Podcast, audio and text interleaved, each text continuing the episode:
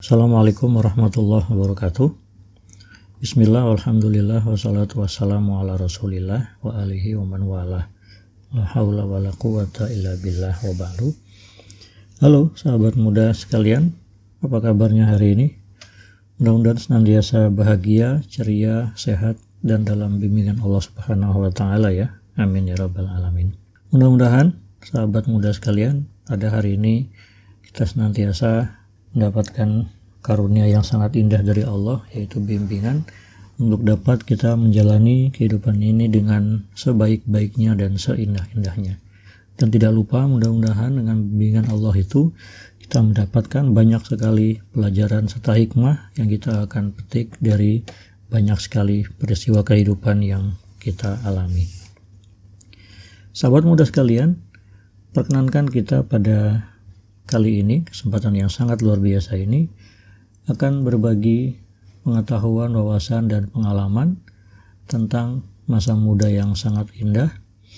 Dan secara khusus kita akan membahas tentang bagaimana indahnya bisa menikmati masa muda dengan menjalani sebuah proses yang banyak sekali orang luar sana impikan, yaitu menjadi mahasiswa atau menjalani proses perkuliahan. Sobat muda sekalian, tahu nggak sih kalau sesungguhnya kalian bisa kuliah itu adalah sebuah nikmat dan karunia yang sangat luar biasa. Banyak loh kawan-kawan sebaya kita, seusia kita selepas SMA itu nggak tahu mau ke mana, nggak punya pikiran akan ke mana, nggak punya rencana bisa lanjut belajar lagi atau tidak banyak dari sekian juta anak SMA, anak pesantren yang lulus setiap tahun, kira-kira yang bisa masuk perguruan tinggi itu berapa persennya ya? Perkiraan tidak sampai 50 persen. Artinya apa? Yang 50 persen itu yang bisa kuliah betul-betul mendapatkan sebuah karunia yang sangat luar biasa, nikmat yang sangat istimewa. Sementara 50 persen yang lain, dengan situasi atau alasan apa pun, ya itulah mereka mungkin tidak mengalami satu hal yang keberuntungan seperti yang kita alami sekarang. Bisa dibayangkan mereka setelah lulus SMA harus bekerja, mencari nafkah, menghidupi orang tua, keluarga, adik, dan semua yang ada di rumah mereka. Sementara sebagian dari kita, Masya Allah deh ya, luar biasa, bisa kuliah, pergi ke kampus, menyandang status mahasiswa, dan wah pokoknya luar biasa deh. Jadi bayangkan bahwa kita yang bisa kuliah itu yang bisa menempuh pendidikan tinggi di perguruan tinggi itu ya adalah kelompok elit baru. Cie, namanya kelompok elit ya. Kita masuk dalam kelompok elit baru dengan gelar atau status yang sangat luar biasa mahasiswa. Keren ya.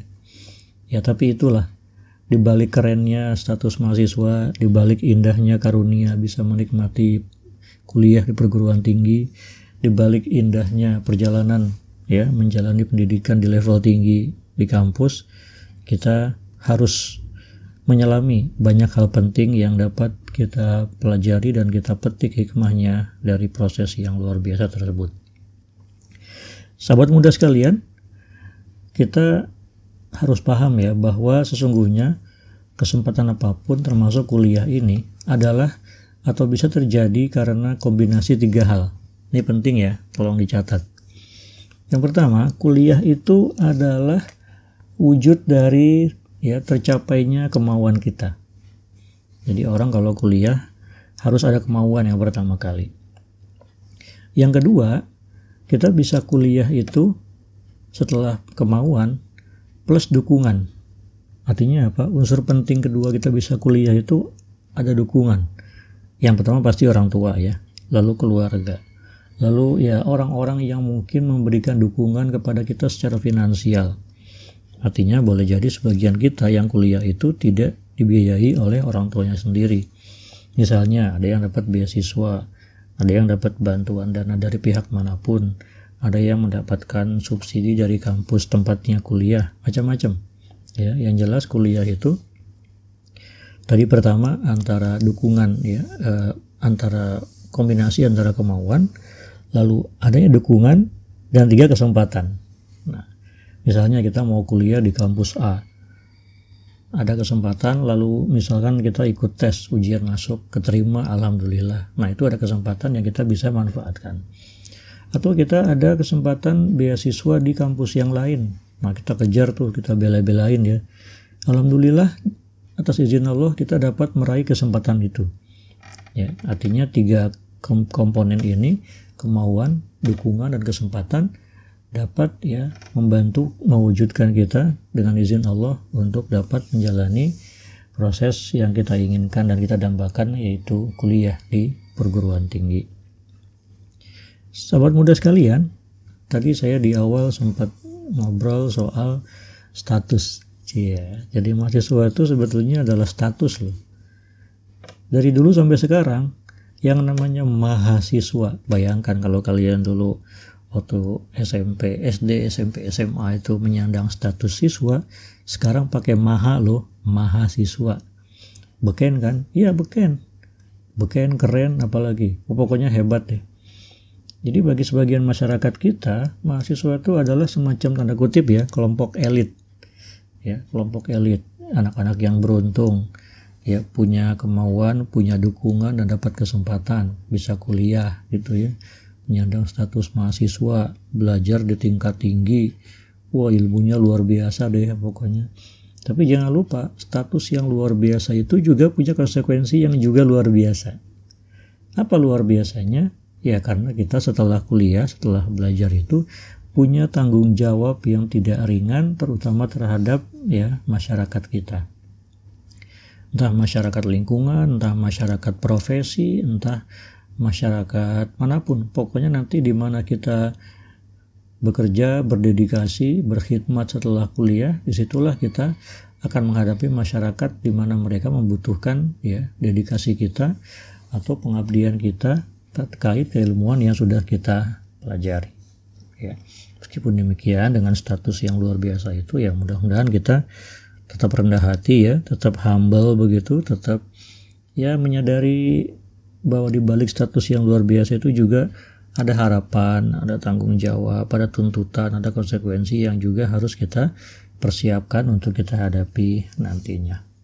Gitu ya, sahabat muda. Keren loh. Oke, sahabat muda sekalian. Apa sih sebetulnya masa kuliah itu? Usia berapa sih kita kuliah? Oke, kalau kita jawab usia berapa rata-rata kalau kita lulus SMA usia 18-19 tahun, ya kita kuliah dalam rentang antara umur segitu ya 18 19 sampai kira-kira 22 23 24 lah paling lama ya. Nah, setelah kita menimba ilmu, menimba pengalaman ya, menjalani studi di level SMP SMA, kuliah itu orang bilang pendidikan tinggi. Tinggi karena memang sudah tingkat lanjut dan ya banyak pelajaran yang luar biasa di masa-masa perkuliahan itu. Saya ingin menyimpulkan satu hal bahwa kuliah itu merupakan fase penting untuk kita bisa banyak belajar lewat pengetahuan dan pengalaman. Itu kata kuncinya ya. Fase penting. Yang kedua banyak belajar. Ketiga pengetahuan plus pengalaman. Kenapa fase penting? Ya karena kita di sini akan mengalami satu proses untuk menghadapi masa depan dengan mengumpulkan bekal. Jadi kalau kita di fase penting ini tidak memanfaatkan ya waktu untuk mengumpulkan bekal tadi, ya kita akan kerepotan nantinya. Yang kedua, banyak belajar. Ini terkait dengan memanfaatkan waktu.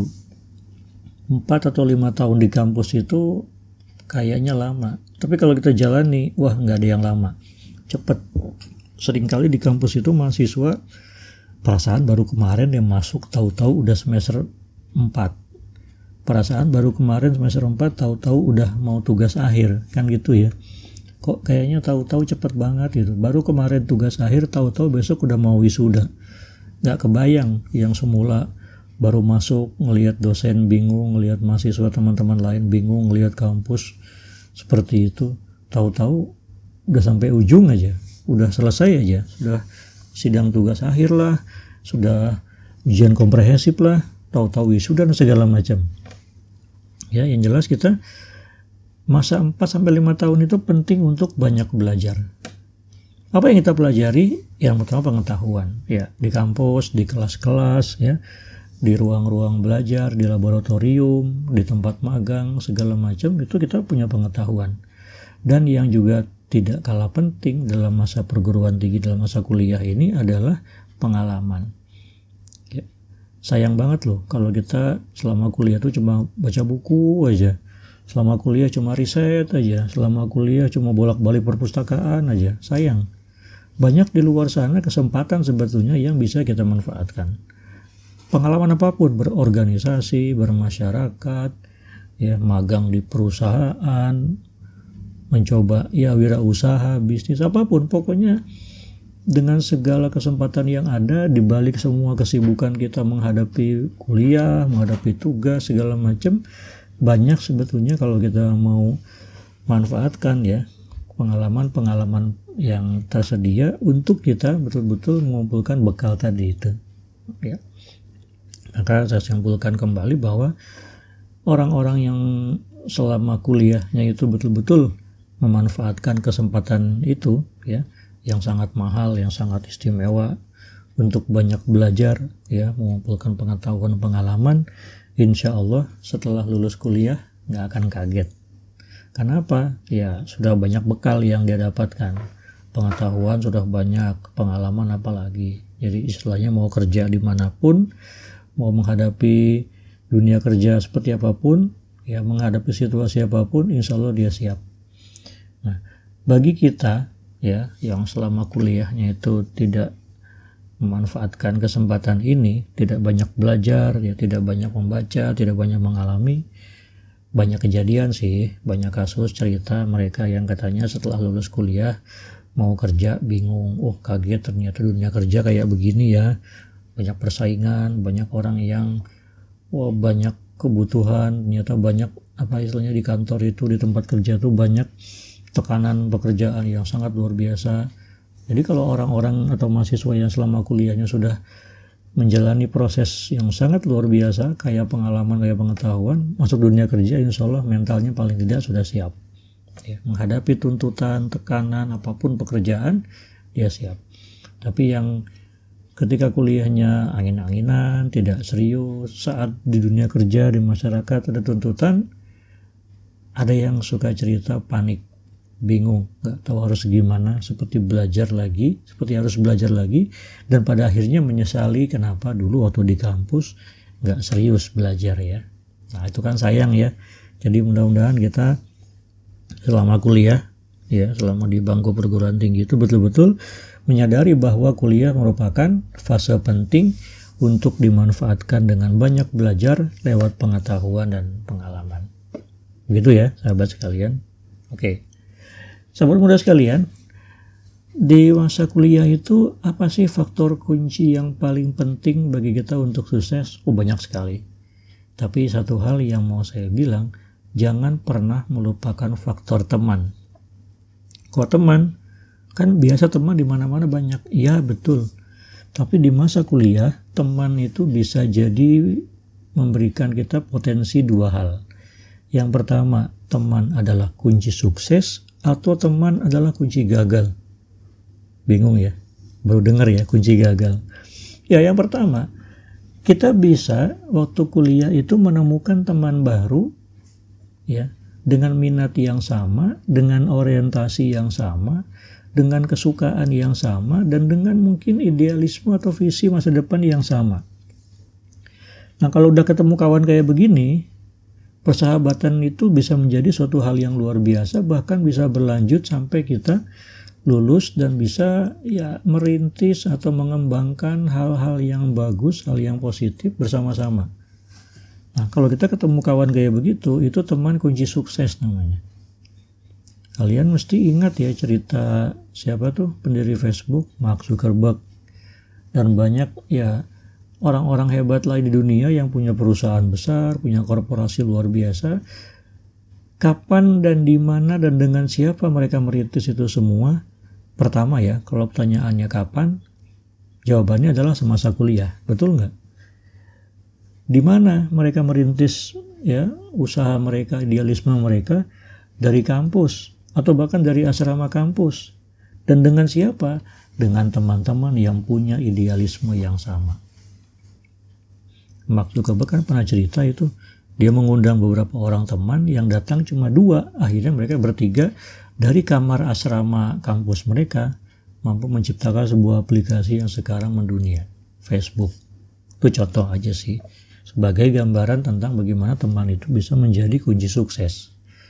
Atau sebaliknya, kalau kita salah gaul ya, kalau kita salah pilih teman, yang terjadi adalah teman bisa menjadi kunci gagal. Ya, ke mana-mana berdua, ya mungkin ya bersahabat biasa, makan bareng, ngobrol bareng, ya ngegosip bareng, ya hobi bareng. Tetapi kebersamaan itu tidak membawa mereka kepada sebuah lompatan hidup yang sangat luar biasa. Ya hari-hari bareng aja curhat sama-sama. Ya nggak ada masalah sih dengan pertemanan itu. Cuma jika teman yang kita punya tidak bisa mendorong kita untuk naik, untuk maju, untuk bisa berada pada level yang berbeda, ya silakan tentukan saja teman kayak apa itu kategorinya ya. Apalagi jangan sampai kita nemu teman yang hampir semua ide, hampir semua apa ya idealisme, harapan-harapan kita, visi kita itu bagi dia bullshit. Ada loh kawan-kawan gitu, eh jangan main sama dia, omongannya nggak jelas, dikit-dikit idealisme, dikit-dikit visi, dikit-dikit apa. Ya itu kalian harus sikapi sebijak mungkin ya. Yang sampai kita justru ketemu teman yang berpotensi untuk menggagalkan semua rencana indah masa depan kalian. Intinya apa? Memilih teman. Jadi untuk bisa sukses ataupun gagal di perguruan tinggi, teman bisa memainkan salah satu dari dua peran itu. Maka mudah-mudahan selama kuliah kita dibimbing oleh Allah untuk nggak salah pilih teman ya. Oke? Okay? Baik, eh, sahabat muda sekalian, mengingat bahwa perjalanan kuliah itu sangat luar biasa ya, dimulai dari kalian datang, mendaftar, ikut tes masuk, kemudian apa lagi? ikut orientasi ya lalu memulai perkuliahan ketemu dosen kenalan dengan teman baru menghadapi ya masa-masa perkuliahan yang lama ya satu semester 16 pekan begitu pokoknya luar biasa deh ya di tengah jalan ya banyak hal ya ada hambatan ada tugas ada macam-macam lalu ada peluang ada teman wah pokoknya kompleks sekali deh jadi dalam 16 pekan kita kuliah itu satu semester, wah itu banyak sekali hal-hal yang unik, menarik. Ya kadang ada yang menyedihkan, ada yang menyenangkan, macam-macam. Ya. Dan itu berlangsung sampai lebih kurang 8 semester, 4 tahun. Kalau yang lulusnya normal ya. Atau mungkin cuma tiga setengah tahun bagi yang lulus lebih cepat. Atau mungkin malah berlangsung selama 5, 6, 7 tahun maksimum ya kalau S1. Nah, itu kan luar biasa. Jadi sebetulnya proses panjang itu yang kadang-kadang kita cuma rasakan sebentar, intinya mengandung banyak sekali hal yang betul-betul membuat kita kaya, kaya pengetahuan, kaya pengalaman. Makanya perjalanan panjang itu betul-betul jangan sampai kita biarkan lewat berlalu begitu saja. Tiga hal yang mungkin dapat kita cetuskan ya terkait dengan masa kuliah itu. Yang pertama, syukuri kesempatannya. Alhamdulillah, mau kuliah di mana pun, ya di kampus mana pun, dengan kesempatan yang ada, syukuri bahwa kalian, kita semua sudah menjadi bagian dari kampus tersebut, menyandang status mahasiswa kuliah di perguruan tinggi itu. Yang kedua, sahabat muda sekalian, setelah mensyukuri kesempatan kuliah, yang kedua nikmati prosesnya. Apa pun itu, mau yang menyenangkan, menggembirakan, menyedihkan segala macam nikmati saja karena itulah dinamika yang terjadi di perguruan tinggi ya. Yang ketiga ya terkait dengan apa pun ya tekanan naik turun fase dan prosesnya banyak sekali hal yang kita hadapi. Kata kunci yang ketiga adalah sabari perjuangannya. Ya tidak ada perjuangan yang mudah tidak ada perjuangan yang ringan. Semua perjalanan naik semua perjuangan untuk maju ke depan adalah proses yang betul-betul membutuhkan dan menguji kesabaran kita. Maka mudah-mudahan dengan mensyukuri kesempatan kuliah, kita bisa menikmati prosesnya dan kita bisa menyabari semua perjuangan yang terjadi selama proses atau masa perkuliahan tersebut. Ya, terakhir mudah-mudahan kita bisa mensyukuri nikmat kuliah dan menjadi mahasiswa. Sampai sini dulu ya, kita lanjut di kesempatan berikutnya. Semoga Allah memberikan kita panjang umur untuk dapat kita belajar lebih banyak dari hikmah, pengetahuan, pengalaman, dan wawasan dalam kehidupan kita sehari-hari. Amin ya rabbal alamin. Terima kasih. Wassalamualaikum warahmatullahi wabarakatuh.